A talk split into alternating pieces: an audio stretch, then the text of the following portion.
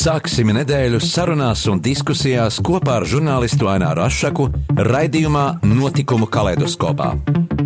Ik pirmdienu, pulksten 13. Radio Marija Eterā. Tiksimies ar amatpersonām, interesantiem cilvēkiem, runāsim par aktuālitātēm un ikdienišķām lietām. Gaidīsim arī klausītāju jautājumus Radio Marija studijas viesiem. Ik pirmdienu, pulksten 13. raidījumā Notikumu kaleidoskopā.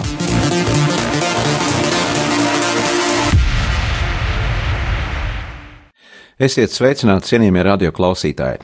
Šodien mūsu raidījumā esmu aicinājis viesos uh, ciemiņu no tālas uh, Ziemeļvidzemes pilsētas, no Smiltenes, Evalds Apinis. Uh, dzimis lauksaimnieka ģimenē Madonā, uh, un šobrīd dzīvo un daudzus gadus ir strādājis uh, Smiltenē par pedagogu. Savā laikā ir studējis veterināru medicīnu un uh, arī aizstāvējis doktora disertāciju par goju leikozi citoģenētiku, tad faktiski arī zinātniskas lietas pētījis. Um, ir ģimene, ir bērni, un uh, arī vairākus gadus ir uh, vadījis uh, pretalkohola uh, organizāciju, klubu avots, un ir arī aktīvs uh, pretalkohola tāds kustības atzinējs, un, un, un pret dzeršanu, protams, tā ir sabiedrībā slikta lieta. Sveicināti, Evalkungs! Labdien!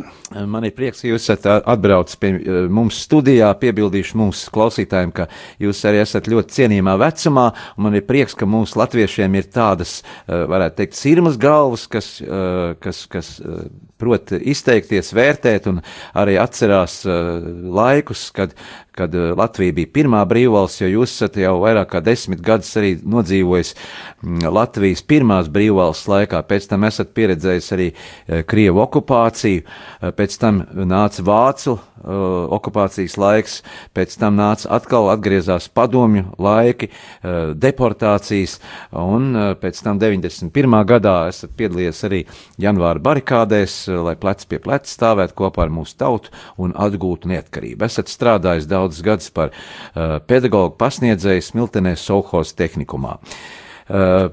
Sāksim ar to, kāds tad bija šis bērnības laiks, un vai, vai, bija, vai ir viegli skatīties uz šodienas dzīvi, eh, kā tas bija toreiz, kāda bija pirmā brīvvalsts laikā dzīve?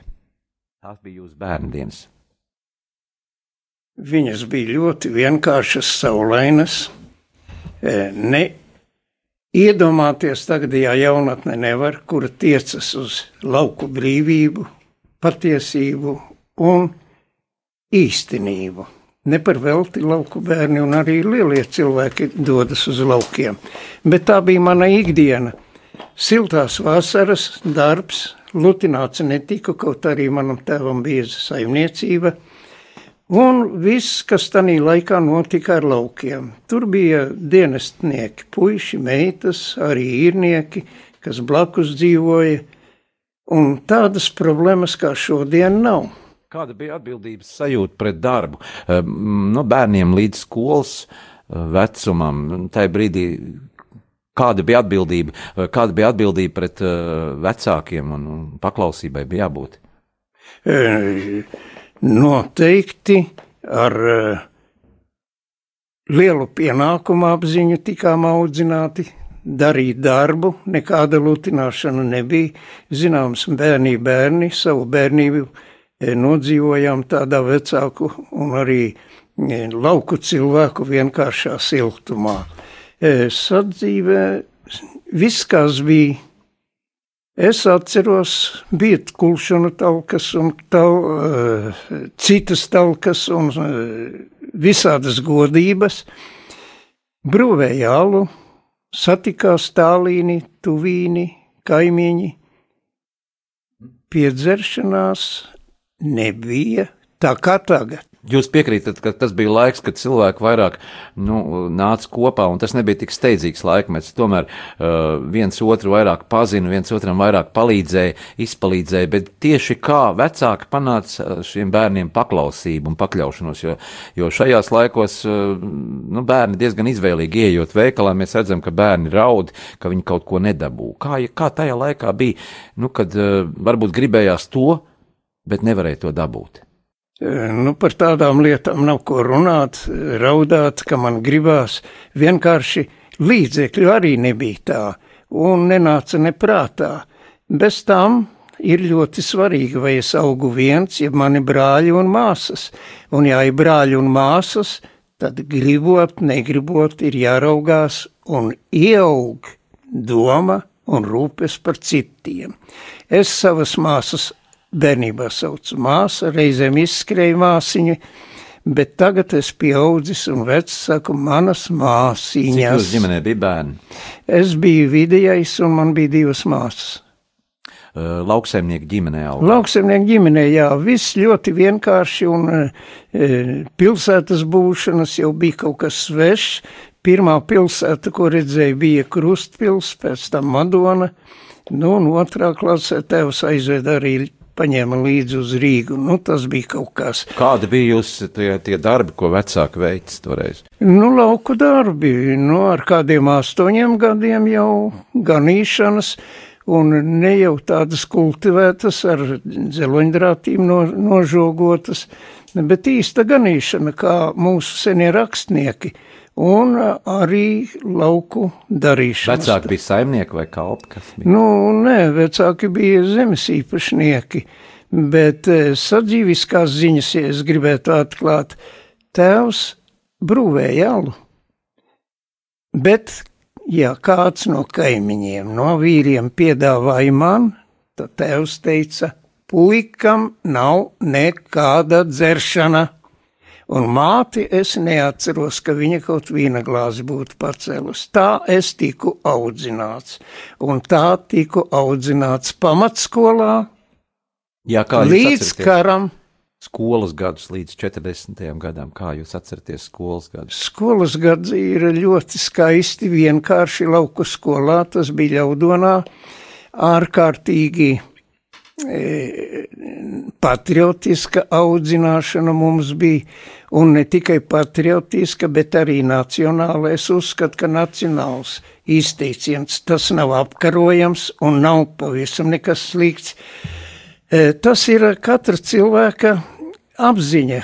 Es esmu cilvēks, es esmu latviečs, es esmu ar zināmu vērtību, lūdzu, neaizskar, bet es arī tevi neaizskāršu. Ko mēs esam no tām vērtībām pazaudējuši šodien? Bija Nacionālo vēl apziņu esam pazaudējuši. Okupācijas laiks bija Krievijas okupācija, Vācu okupācija, pēc tam visa padomju, padomju laiks ar daudziem iepludinātām cilvēku masām, kas nu, izšķaidīja šo mūsu nacionālo suverenitāti.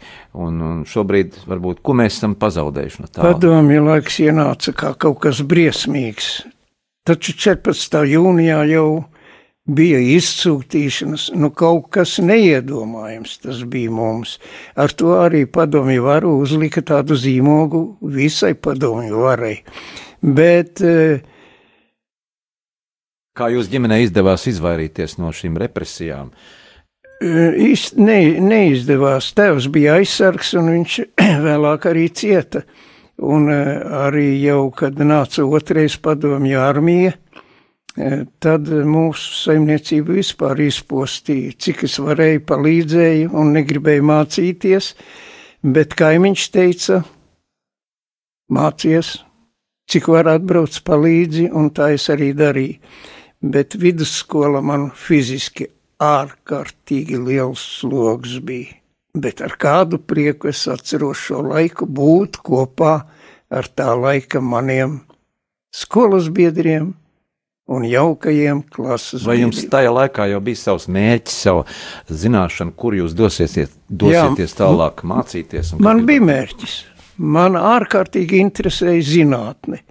Un es nevarēju izšķirties sākumā, nu, domāju, vidusskolā, gimnāzijā, tajā laikā Madonā būs skaidrs. E, Kara laiks jau neskaidrības ienesa, un es nevarēju izšķirties. Es ļoti labprāt būtu matemātiku, astronomiju studējis vai medicīnu, bet medicīnā tajā laikā bija tikai sudraba un zelta medaļa, un tāds, nu, es ar mājas rūpēm nu, nekādi nevarēju būt. Nu, tā beigu beigās nu, iestājos veterināra medicīnas fakultātē, Kurš nenožēloju. gads tas bija? E, Tas bija 40, kā beidza, tā arī iestājas 48. gads. Pēckara gadi, ja? vai bija viegli vecākiem nu, nodrošināt uh, bērnam studijas kaut kur nu, Rīgā augstskolā, cik tas bija? Pilnīgi izslēgts. Es biju sekmīgs students, dabūju e, stipendiju, bet ar to nevarēju iztikt. Tas bija izslēgts, un man bija problēma, ka būs jāizstājas. Un es iestājos psihoneiroloģiskā slimnīcā, jo darbu nevarēja dabūt. Un tur bija ļoti izdevīgi kavēt lekcijas, katra desmitā diena tikai. Un tā es ilgi nostrādāju psihoneiroloģiskā slimnīcā. Tātad Man ārpus mācībām, ārci, ārpus mācībām jūs nu, piepelnījāties brīvajā. Jā, laikā. nu tad es biju neatkarīgs materiālā ziņā, bez tam arī jāsaka tā, uh, slimnīcas ārsti, es viņus tikai ar lielo burtu rakstītu, un tāpat savus kolēģus sanitārus. Tajā, brīd, tajā laikā jau uzskatīja, ka psihoneiroloģiskā cil, uh, slimnīca nu, cilvēks vairāk ietekmē ar pārzāļo un, zināmā mērā, arī politiski izmanto. Nevar sa salīdzināt to laiku ar šo laiku, bet es teicu, ka ārstus es rakstītu ar lielo burtu. Nu, varētu atzīt, ka tie bija tomēr Latvijas laikā akadēmiski izglītojušies. Bez šaubām, jā. E, tā bija ārkārtīgi humāna attieksme, es gribētu teikt. Slimnieki bija visādi. Viena daļa bija e, kara laikā sagrautie e, likteņi, viena daļa bija, kur paši vainīgi pie savām psihiskām vainām, un arī viens otrs noziedznieks gadījās. Visādi bija. E, bet, nu, tas man deva ļoti lielu pieredzi. Kāda bija jūsu loma? Kāda bija jūsu loma tur strādāt slimnīcā? Ko darījāt? Es strādāju par sanitāru. Un tur arī māsīņas liela daļa bija sanitāris. Tas ir students, medicīnas fakultātes students. Es jau par māsīņu nevarēju strādāt. Tas tā, nu, bet viena daļa bija narkomāni, un tādu pieredzi es tur ieguvu, un vēlāk savā dzīvē tādas zināšanas. Nu, ikdienā cilvēkiem ar mani diskutēt un cerēt, ka viņi nebūs uz pleciem, nav iespējams. Narkotikas. Padomju Savienībā uh, uzskatīja, ka narkotikas nav, ka tas nāk no uh, kapitāliskām valstīm, no šīs uh, pakalpināšanas sistēmām, no zemēm, uh, no naidīgām zemēm. Tajā laikā uzskatīja, ka jā, narkotikas kā tādas nav, bet, nu, alkoholisms bija. Jūs teicāt narkotikas. Kas tās bija par narkotikām? No? Es tūliņ uzskaitīšu tādas, kuras tajā laikā varēja dabūt. Starp citu, man kā vetārstam bija ļoti lielas iespējas jebkurā brīdī tikt pie opija. Narko... Vai nu simpleks, nu to medikamenti, jūs... jā, tie bija, tie bija medikamenti. Medikamenti, jā. E, bet man arī ļoti skaidrs kļuva, kas ir alkohols. E, nu, pirms es tālāk runāšu, es gribētu pateikt jums visiem klausītājiem, kad es runāšu, tad es pilnīgi pamatoti saku, ka alkohols ir vistipiskākā narkotika.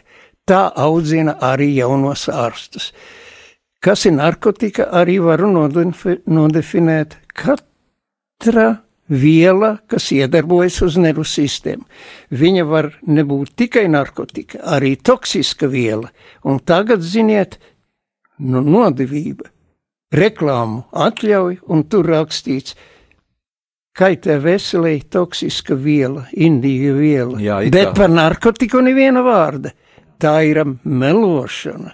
Kā mēs varam tādu atļaut? Nu, jāpiebilst, ka tomēr mēs dzīvojam šajā komerciālā laikmetā, un laikam nauda spēlē šo lielo lomu, jo neapšaubām tas ir milzīgs bizness, tāpat kā farmakoloģija, tāpat arī, arī šī, šī alkohola tirzniecība un tabaka. Tas viss nes lielu peļņu, tāpat laikā Nē. arī neapšaubām ir daudz. Ziniet, daudz šo lietu neapspriedīsim, to es zinu un zina paši narkomāni, alkoholiķi un arī tie, kas nedzird tie zina, ka peļņu nes. Bet par šo jautājumu es uzrakstīju vienam mūsu prezidentam iesniegumu. Lūdzu, aizliegt mēs nevaram. Mēs saprotam, kas notiktu, ja uzreiz pārtrauktu šitie pūļi, kas ir iemācīti dzert, nezinu, ko sagādāt. Bet nevienu eiro nedrīkst iekļaut budžeta aprēķinos. Tas jādod kādai grupai vai vislabāk Jā. prezidenta rīcībā, lai tikai viņa rīcībā. Labs ieteikums un rekomendācija, bet tagad ir pienācis arī uh, muzikālai pauzītē, lai skan dziesma, jūs izvēlētā dziesma, jūs esat klasiskās mūziķis, mūzikas arī tāds mīļotājs un lai skan jūs izvēlētājs skaņdarbs no klasikas.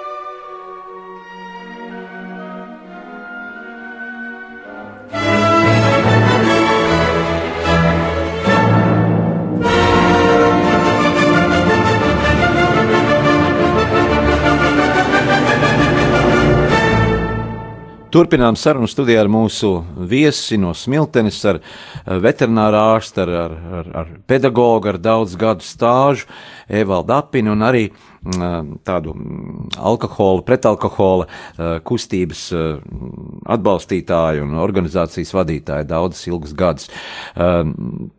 Tātad jūs esat ar lielu dzīves pieredzi, ar, ar, ar, ar skatījumu uz dzīvi. Nāca padomju laiks, sākās jūsu darba gaitas pēc studijām uh, veterinārā fakultātē, un kāds bija šis laiks kolhozos padomju saimniecībās, kad jūs kā jauno speciālistu, uh, kad jūs kā jaunais speciālists jau sākāt darba gaitas? Šis laiks bija grūts. Es mājā pieradināts pie darba, pie disciplīnas, atbildības, skolā disciplīna bija. Un tā ziņā man nebija grūti, bet fiziski izpildīt darbu bija grūti. Jo kolhos bija nabagi. Es pats arī trūcīgs, jo nekādu iekrājumu nebija. Savu darbu pirmos gadus atceros kā nepārtrauktu salšanu, pārkaršanu un bieži vien arī ar trūcīgu ēdināšanu. Kas bija aprīkojums veterinārā ārstam, kas devās uz eh, fermu, uz saimniecībām, lai, lai, lai rūpētos par šiem ganāmpulkiem, lai tie būtu veseli un lai apkarotu slimības un tāpat pieņemt dzemdības un viss skaitas likvidētu ārsti eh, lopiņiem? Viss jau atkarājas no paša, cik tu zini, cik tu esi godīgs, atbildīgs. Var jau vetārs pateikt pie kāda dzīvnieka, tu nekā nevar darīt, lūdzu likvidējiet, bet var arī Nu, es par sevi varu pateikt, ka dzemdību gadījumos es nesu sava mūža darba gados nevienu sieviešu kārtas dzīvnieku aizlaidis aiz cienības pret jauno dzīvību. Varbūt pastāstiet, kā tas ir īsti, vai, vai, vai jūs katrā situācijā uh, veicāt tātad ķeizargriezienu, lai, lai šo lopiņu uh, atstāt dzīvu, bet nenobeigt. Bez šaubām, ka ar vislielāko attieksmi par to, lai nenodarītu dzīvniekam sāpes un lai būtu izārstēts. Tos laikos visādi bija. Tava prasme varēja būt tik liela, ka Nu, dzemdības viena no sarežģītākām lietām. Kāds ir jūsu viedoklis par to? Šobrīd dažādas uh, organizācijas pasaulē, kas aizstāv uh, dzīvniekus, ja pret kažokādām ir, ir īpašas akcijas, ka um, kažokādas uh, nevajadzētu uh, izmantot, un tāpat arī par, par šiem mājlopiem ir daudz jauniešu šobrīd arī vairāk lieto uh, veģetāro pārtiku un izvairās no uh, dzīvnieku izcelsmes produktu lietošanas? Nu, es domāju, ka mēs šeit to nevaram atrisināt, bet eh, par mākslīgām kažokādām un dabīgām atbildēšu. Nu, kas te vainas? Mākslīgā ir skaistāka nekā tā dabīgā. Bet atkal tur apakšā ir dzīvnieks, kurš jānogalina. Mākslīgai nav. A, mākslīgai nē, mākslīgai nē. Es runāju jā. par mākslīgo. Nav vajadzīgu. Priekš tā nav vajadzīgs. Varbūt kādreiz ir e, pārtikas dēļ kaut kas e, jānokauj, pie kā mēs kā vetārsts ārkārtīgi nelabprāt, kaut man dažreiz arī nācās vienu otru dzīvnieku likvidēt, to es nedarīju. Man tas organiski pretīgi bija. Nu, un līdz ar to, ziniet, arī pārējā attieksme. Nu, man kā vetārstam bija es gribu teikt, ļoti cilvēciski, nu, tāda laba attieksme ar saviem lauku cilvēkiem, ar visiem. Kā toreiz kolhoza vadība vai jūsu zootehniķi vai jūsu kolēģi, kāda bija sadarbība ar viņiem tieši roku rokā veidojot šo nu, darba procesu? Ziniet, tas daudz atkarājas. Es darbu uzsāku, nu, tomēr jauns puika, daudz ko no dzīves nezināju, kaut kā šausmas bija daudz pieredzējis, bet te parādījās daudz kas. Cilvēciskās attiecības un attieksme, godīgums, negodīgums. Nu, es biju naivs savā ziņā un arī daudzreiz dabūju ciest. Nu, un tās savstarpējās attieksmes stipri atklājas, cik tu esi pieredzējis. Ja tu esi kaut ko pieredzējis, tad tu gudrāk. Pie kam man gribas arī atbildēt un uzstādīt jautājumu, kas ir gudrība. Mēs jau nelietīgi velti un nepreizi lietojam vārdu gudrība. Zināšanas nav gudrība vien. Vai mēs varam parunāt? Nav arī e, gudrība apdāvinātība un popularitāte. Gudrība ir kaut kas cits. Es atļauju jums atbildēt un izlasiet Nikomaha ētiku. Aristotels ļoti labi pateicis to.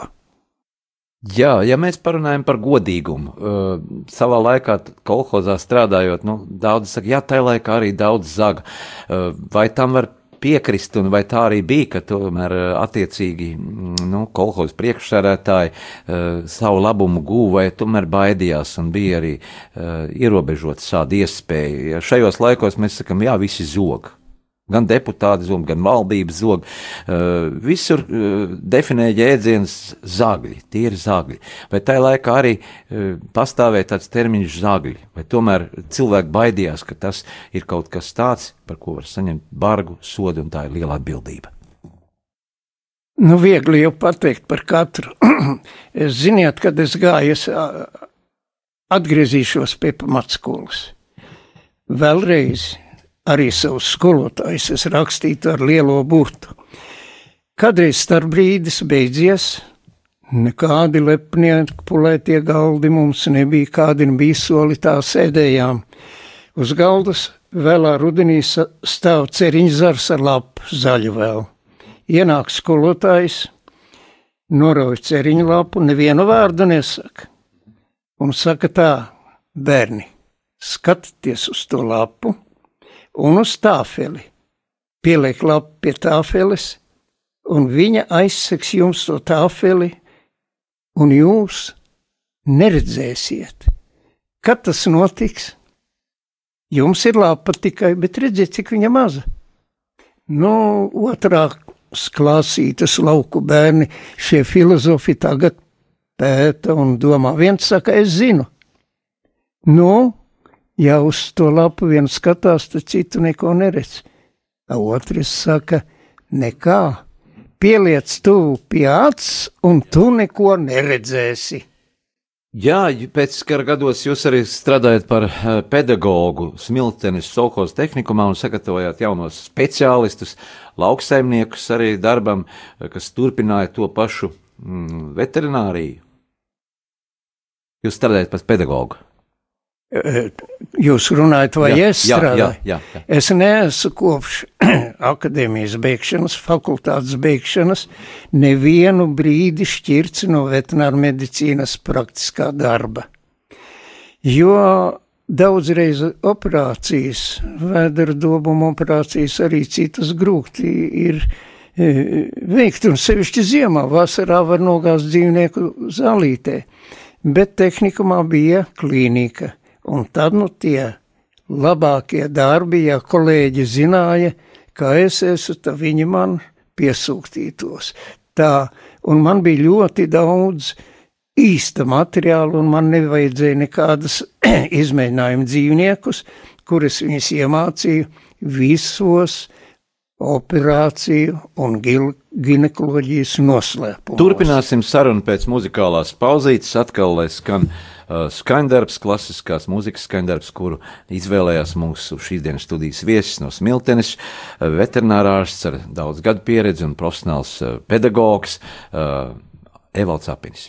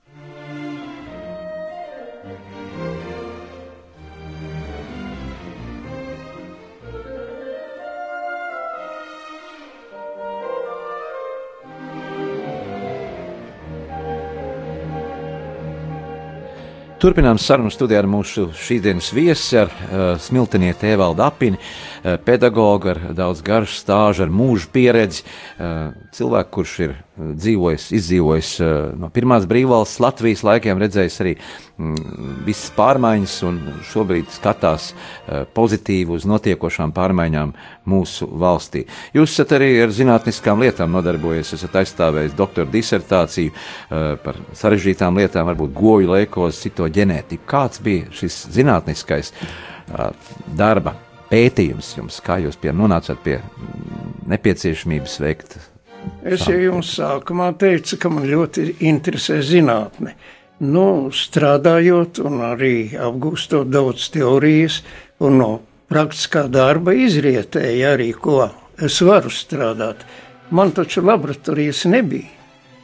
Es biju lauku praktiķis Kur jūs veicāt šos pētījumus, ja, ja nebija laboratorijas? Es biju paņēmis tēmu, un to jau es nepaņēmu pats. Es biju saistīts ar Siguldas Zinātnisku pētniecisko institūtu, un man ieteica pētīt leikozo un neleikozo dzīvnieku chromosomu, asins šūnu, radošo šūnu chromosomu atšķirības. Chromosomu. Tātad man vajadzēja iegūt šūnu pirms nu, jāsaka, e, to audzi, audzi un no tām jākultivē un jāizveido chromosomas. Es negribu vairāk teikt, bet dabas bija tāds, kad es tā aizrāvos un no rīta man audz, audzekņi klauvē pie du, e, kabineta durvīm, saka, skolotāji jāiet uz stundu. Kā jūs skatāties uz šodienas zinātni Latvijā? Daudzkārt arī tiek runāts, ka zinātnē nav līdzekļu, trūkst varbūt tāda atbalsta un zinātne ir, ir iemīta zemē. Vai jūs tam piekrītat, ka šobrīd zinātne nu, varēja būt tālāk un latviešu zinātniskie prāti kādi pēc jūsu domām? Potenciāls, kāds ir mūsu zinātnes potenciāls? Mums ir ārkārtīgi daudz ļoti apdāvinātu jauniešu un strādāt gribošu jauniešu. Un bez šaubām līdzekļi vajadzīgi. Tad, kad es savu darbu strādāju, es varu pateikt, tehnikuma vadība vislielāko atbalstu man sniedza visādā ziņā. Un audzekņi mani Bez audzekņiem es nebūtu to izdarījis, jo vajadzēja pa tumsu panākt iet asinis no paraugus iegūt, kaulu smadzeņu paraugus iegūt. Tur es divreiz inficējos. Jā, var tāda transplantācija notikt ar eh, leikozu materiālu. Nu, diemžēl esmu nodzīvojis līdz šīm, šai dienai. Eh, tātad tā transplantācija no gotiņiem diezi vai ir iespējama. Nu, un beigu, jā, zinātniskais vadītājs man bija Maskavā, tur es bieži braucu, un reizē ar to arī ar zinātnisko pasauli iepazinos, un ārkārtīgi daudz dabūju lasīt, Nu, tā es arī kā cilvēks veidojos. Ja nav noslēpums pēckara gados, kāda bija uh, nu, alga uh, veterinārā ārstam, kāda bija alga toreiz? Es domāju, ka tā bija ļoti niecīga. Nu, cik tas bija rubļos? Ziniet, es atceros 600 pirms visām pārmaiņām rubļu. Tas pēc 61. gada, nu kādi 60 rubļi, jā, viens pret desmit. Nu jā, nu kaut kā varēja iztikt, jā, iecirknī, kur es dzīvoju, bija zeme. Nu dabīgi es zemes darbus pratu un tā badā nevarēja nomirt. Bet tā bija ļoti maza auga. Latvijā šobrīd zemnieku saimniecībās nu, ir govis, ir lopiņi, bet uh, likvidējot kolhozes un padomju saimniecības, uh, nu, varētu teikt, ka mājas saimniecībās uh, iznīk. Tātad turēt vienu govi, vairs neviens vienu govi netur. Ir pagasti, kur pat uh, vairs nevienas govs nav, un uh, zemnieki, uh, laukos dzīvojošie cilvēki pienu pērk veikalā un, un, un, un šo pienu vairs nav pat izdevīgi arī turēt savu govu un audzēt.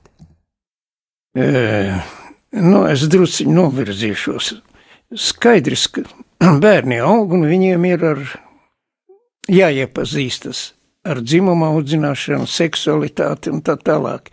Man tur nebija nekāda problēma.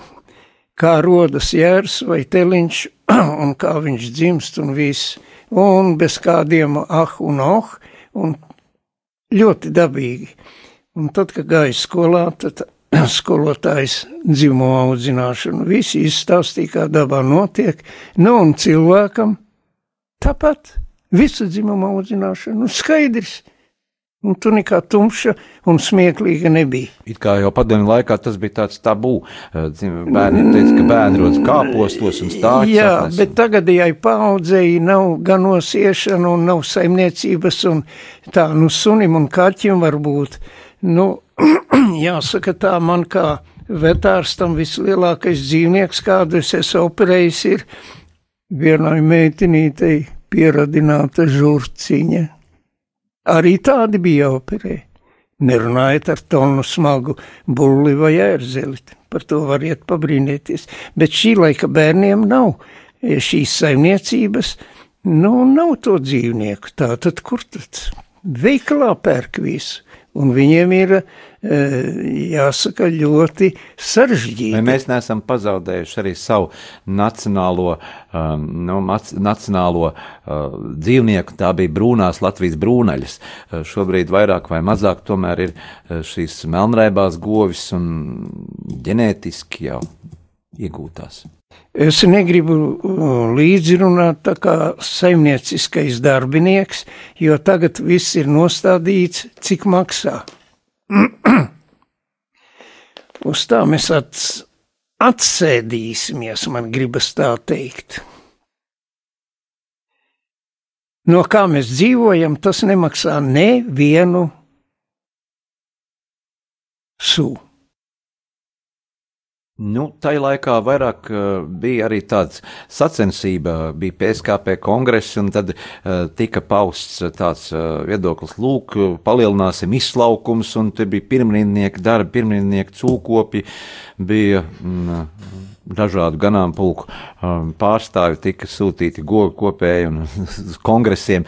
Uh, kā jūs atceraties to laiku, kad nu, bija jākāpina šie izslaukumi un darba ražīgums jāpaceļ? Vai tas netika tomēr arī tā mākslīgi pastiprināts?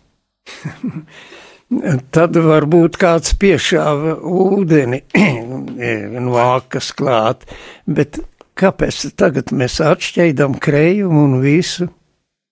Ziniet, par to jautājumu man es varētu runāt, bet nu, vai tā kā ir, grūti būs teikt, slaucēji, arāji, lauku cilvēki bija arī tad godīgi, cilvēcīgi, ar augstu morāli. Kā? Bet, ka gribēja mākslīgi kaut ko dabūt, tā gan laikam arī bija. ka tā bija arī, bet ziniet, kā es tur tā nepiedalījos, un tāpat arī, teiksim, lauku vadība, nu, bija arī negodīgi. Viss, kas tur bija, ziniet, bet tā ir cilvēka cilvēka, nu, jāsaka, vājību izmantošana. Jā, šobrīd mēs runājam, ka pasaulē vairāk tiek izmantot dažādi eh, emulgatori un, un, un antioksidanti un, un, un, un dažādas tādas eh, kaitīgas vielas pie pārtikas, lai saglabātu pārtiku ilgāk. Kā bija tajā laikā ar, ar pārtikas produktiem, ar, ar, ar to, ko mēs lietojam uzturā. Jo tās tomēr bija dabīgāka un eh, nesabojot, nesa, nebija tik sabojāta šī pārtika. Nu, es nezinu, ziniet, ka man gribas jautāt jums, ko jūs skaitiet par sabojātu un nesabojātu. Tā bija dabīga pārtika, kuru izslauca no gotiņas un arī izaudzēja pats savu gaļas dzīvnieku, no kā bija gaļa. Tur nekādi piedevu nebija konservējošais materiāls, bija sāls. Un vai nu viņš ilgāk bija žāvēts vai mazāk, tur nekā kaitīga nebija, bet ko tagad tos e, konservantos pieliek klāt, es jau nezinu. Ko raksta, tas ir viens. Es tikai atceros to laiku no savas bērnības. Es toreiz biju skolnieks un spēlēja uh, pūtēju orķestrī, un tas pūtēju orķestris uh, bija uh, piesaistīts Valmieras gaļas kombinātam.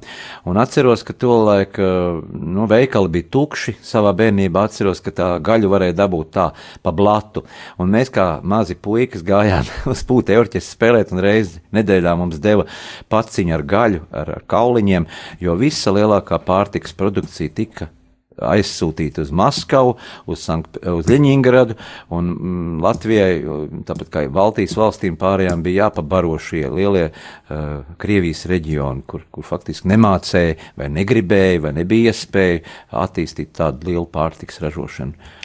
Ziniet, par to te ir tīra politika, un es tagad darītu kļūdu, ja es teiktu, ka es neesmu nemaz iejaukts, kaut es neesmu nevienā politiskā partijā ne tad, ne tagad bijis un neesmu un nebūšu, bet iejaukts es esmu ar ikdienas dzīvi.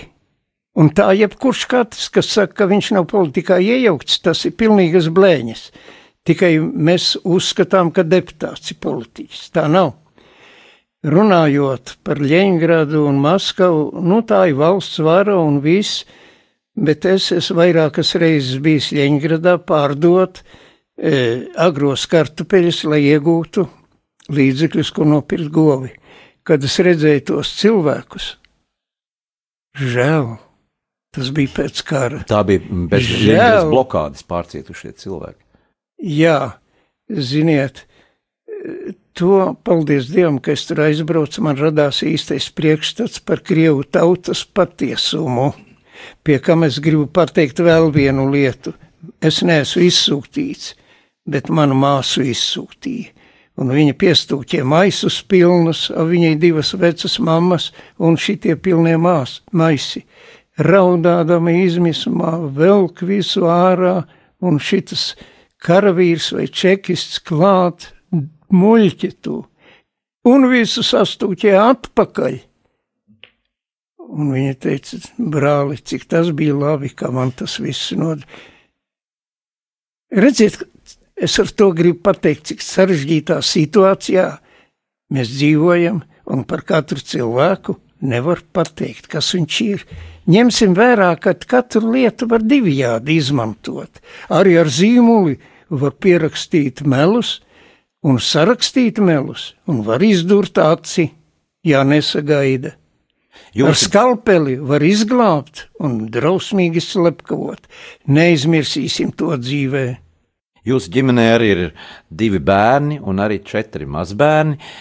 Un ko jūs viņiem mācāt? Stāstat par uh, savu mm, nodzīvoto garo darba mūžu, par pieredzi, par, par attiecībām, kas ir jāveido cilvēkiem, savstarpējām attiecībām ģimenē un darbā un atbildības sajūtu, godīgumu. Ko jūs stāstat par to? Viņiem daudz kas ir nesaprotams, jo e, es neaudzinu viens, audzina internets. Sabiedriskā dzīve audzina. Sociālā vide, sociālā. No, drausmīgi. E, sākot jau ar skolu, to, ko Ulmaņa laikos mācīja, tagad nemācīja. Es dabūju 37. gada higienas grāmatu. Nu, tagad ja drusciņ no tās veselības mācībā pasniegtu, nevis tā kā tādu surrogātu un beigās iznīcināja. Svarīgi, kā to pielieto, kurš to pielieto. Bet internets ienes daudz nevēlamu īpašību. Es tam piekrītu, bet, bet tomēr, kā teica Egils Levits, šis ir tehnoloģija laikmets, tehnoloģijas attīstās un mēs ejam uz priekšu. Es domāju, ka ja tajā laikā būtu bijis internets, droši vien arī jūsu paudze uh, izmantot šīs tehnoloģijas, un, bet mēs vēl pirms daudziem gadiem nezinājām, kas ir mobilais telefons. Vai jūs piekrītat, ka varētu cilvēks dzīvot šobrīd bez mobilā telefona? Tas ir, ziniet, ko tas ir tāds provokatīvs jautājums. Grieķu laikā nekas nebija zināms par kosmosa kuģiem, un, un mēs nelietojam, kur tad mēs esam. Tehnoloģija ir tehniska lieta. Ziniet, tāpat kā uh, Es esmu daudz prātojis, es, taču braucot ar zirgu var arī domāt. Protams. Kas ir ekonomika? Ekonomika ir cilvēka zināšanu savārstījums ar pluszīmi un mīnuszīmi, bet zinātne tā nav. zinātnē ir kaut kas cits. Tas, kas nav atklāts, tā ir zinātne, bet mēs ar zināmām lietām, un kā cilvēks to izmanto. Ekonomika, jā, viņa vajadzīga, bet tehniskās lietas mēs nevaram ņemt kā paraugu un likt kaut ko pretī tam, kam ir dvēsele. Jā, ar ko jūs šodien lepojaties eh, Latvijā? Jūs esat, eh, kā jau sākumā minēju, redzējis, kā dzīvo ulmaņa laikos, kādi bija pēckara gadi, kā eh, attīstījās laiks kolhozos, kā kāda bija dzīve, un ieguvām Latvijas neatkarību, un par ko jums šodien lepnums? Ja tā runājam pavisam īsi, ar ko, ar ko jūs lepojaties šajās laikos?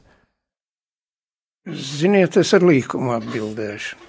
Es nelepojos ar to, kad akadēmiķa Karnīte vienā sanāksmē teica, 500 tūkstoši ir atbrauk, aizbraukuši no Latvijas. Mēs jau nebijām vairs 2,5 miljoni. Es izbijies pārprasīt, cik jūs teicāt? Nu, 500 tūkstoši. tūkstoši ja ir... Labi strīdēsimies, bet Latvija ir tukša. Ar šo es nelepojos. Es lepojos tautas frontes laikā par to pacilātību, vienotību un e, par to, ko mēs esam zaudējuši. Nē. Bet es gribu pateikt praktisku piemēru. Kad mums bija salidojums, un mani audzekņi jau ir ģimenes cilvēki, un es skatījos, ka tai salidojumā uz galda ir tikai pudeles, un pie kam degvīna pudeles. Un es audzekņiem teicu un lūdzu, pielieciet šodien man savus plecus blakus, un vairāk neko. Vai viņi jūsos ieklausījās, vai Tas bija. Es tūlīt nobeigšu. Pretī mums uz paralēla galda, aiz paralēla galda sēdēja izredzētie ķie, ciemiņi. Nu, ar viņiem es dabīgi, ka neko nerunāju un nesarunāju, un tur viena pudele pēc otras tika atkarķētas, un ciemiņi darīja, kas jau nu parasts ir, pie kā pieradināts. Uz mūsu galda neviena pudele netika atkorķēta, bet es tik teicu, pielieciet man blakus šoreiz savus plecus. Jā. Mūsu saruna uh, šeit studijā mm, tuvojas noslēgumam, uh, un kāds būtu jūsu uh, vēlējums mūsu radījuma arī klausītājiem, kuri klausās mūs visā Latvijā, kuri dzird šo sarunu, kuri varbūt arī jūsu laika biedri, tie, kuri varbūt arī nav izdzīvojuši tik garu mūžu, bet nu, arī atcerās, kāds bija barikādas, kāds bija Latvijas brīvības atgūšanas laiks. Ko es gribētu tiem cilvēkiem novēlēt, kas klausās mūsu? Es gribu patiesi atbildēt un izsmeļoši. Kadreiz es satikos ar dzinieci Arī Elksni, un viņa teica tā: visām tautām, arī lietuviešiem, igauniem, ir sava galotnīte Mums tādas nav. Un tur bija mākslinieka, malcinieka e, tāda, tāds akvarelīts, un viņa mums tā parakstījās arī. Man vēl tagad tas saglabājies. Bez galotnītes neviens koks normāls, bez kroplībām neizaug.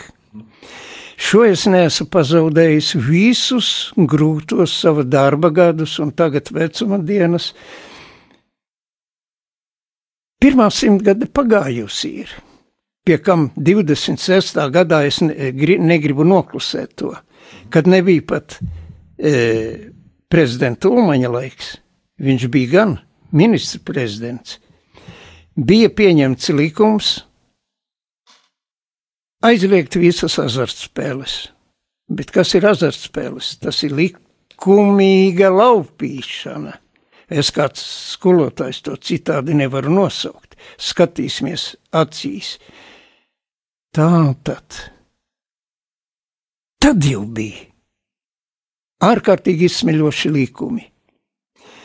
Nu, un mums ir jāiet un jāstrādā pie kam tādu, kas konstatē, arī žurnālistu ir pilns un viņi pareizi konstatē, bet nepasaka, ko darīt. Un es gribētu pateikt. Par šo jautājumu domājot, mums vajadzētu, īsi, jā. Jā, e, vajadzētu noteikti katrā ziņā kaut kādu noteiktu mērķa koncepciju, kur vienoties, stāvēt ar plecu pie pleca, ar skatu pret gaismu. Palūdzu vienam mūsu astronomam uzzīmēt saules pulksteni. Viņš uzzīmēja, un es parakstīju tekstu. Un šis teksts iepatikās daudziem. Nu, kāds tas ir? Es varu parādīt lapu, bet eh, Nē, būtība, pat, eh, būtība tāda. Mēs esam daudz pieredzējuši, un daudzi pulksteņi mums ir bijuši torņi un rokas pulksteņi un visādi, bet tur var ielīst muša un viņu saspiest un apturēt. Un tam mēs esam bezspēcīgi. Jā, katrs... Bet saules pulkstenis ir mūžīgs, un to mēs glabājam savā dvēselē, kā audzināšanas rezultātu. Un tehnisko, simbolisko uzzīmēja astronoms, un teksts ir no manis. To jūs variet paprasīt, lai publicē. Paldies par. E, es nobeigšu vēl. to ielika e, viena žurnāliste e, Rīgas Latviešu biedrības 150 gadu atcerēja veltītā grāmatā Latviešu biedrībām būt pagātne vai nākotne. Un tur ir arī mana intervija Jā. un ielikts šis skaistais saules pulkstenis. To ir zīmējis Mārtiņš Gils, Teksts ir mans, es esmu Evalds Apiņš. Paldies, Evalda Apiņa kungs, par, par to, ka jūs ieradāties tālu ceļu mērojot no Smiltenes šeit studijā pie mums, un es teikšu ar Jāņa Raņa vārdiem, mana tauta ir, mans zelts ir mana tauta, mans gods ir viņas gods, un Blaumaņa, atvainojiet, jā, redziet, kļūdījos. Tātad ar šīm blaumaņa vārdiem jāsaka, ka mm, vajadzētu arī mūsdienās atcerēties to, ka mēs paši esam savas laimes kalēji un mums ir jādzīvo sava dzīve un jā, jācīnās par savu tautu. Būsim kopā stipri un arī novēlam jums labu veselību un, un, un turēt, uh, turēt augstu mugurkaulu uz priekšu soļosim šai dzīvē, lai uh, jūsu darba pieredze mūsu ir jauniešiem arī kā tāds paraugs. Vairāk satikties, godīgi runāt, kaut arī ar ienaidnieku, un tikai tad darīt. Paldies! Paldies. Sāksim nedēļu sarunās un diskusijās kopā ar žurnālistu Aināru Ašaku raidījumā Notikumu kaleidoskopā. Ik pirmdienu, pulksten 13. Radio Marija Eterā. Tiksimies ar amatpersonām, interesantiem cilvēkiem, runāsim par aktuālitātēm un ikdienišķām lietām. Gaidīsim arī klausītāju jautājumus Radio Marijas studijas viesiem. Ik pirmdien, pulksten 13. raidījumā Notikumu kaleidoskopā.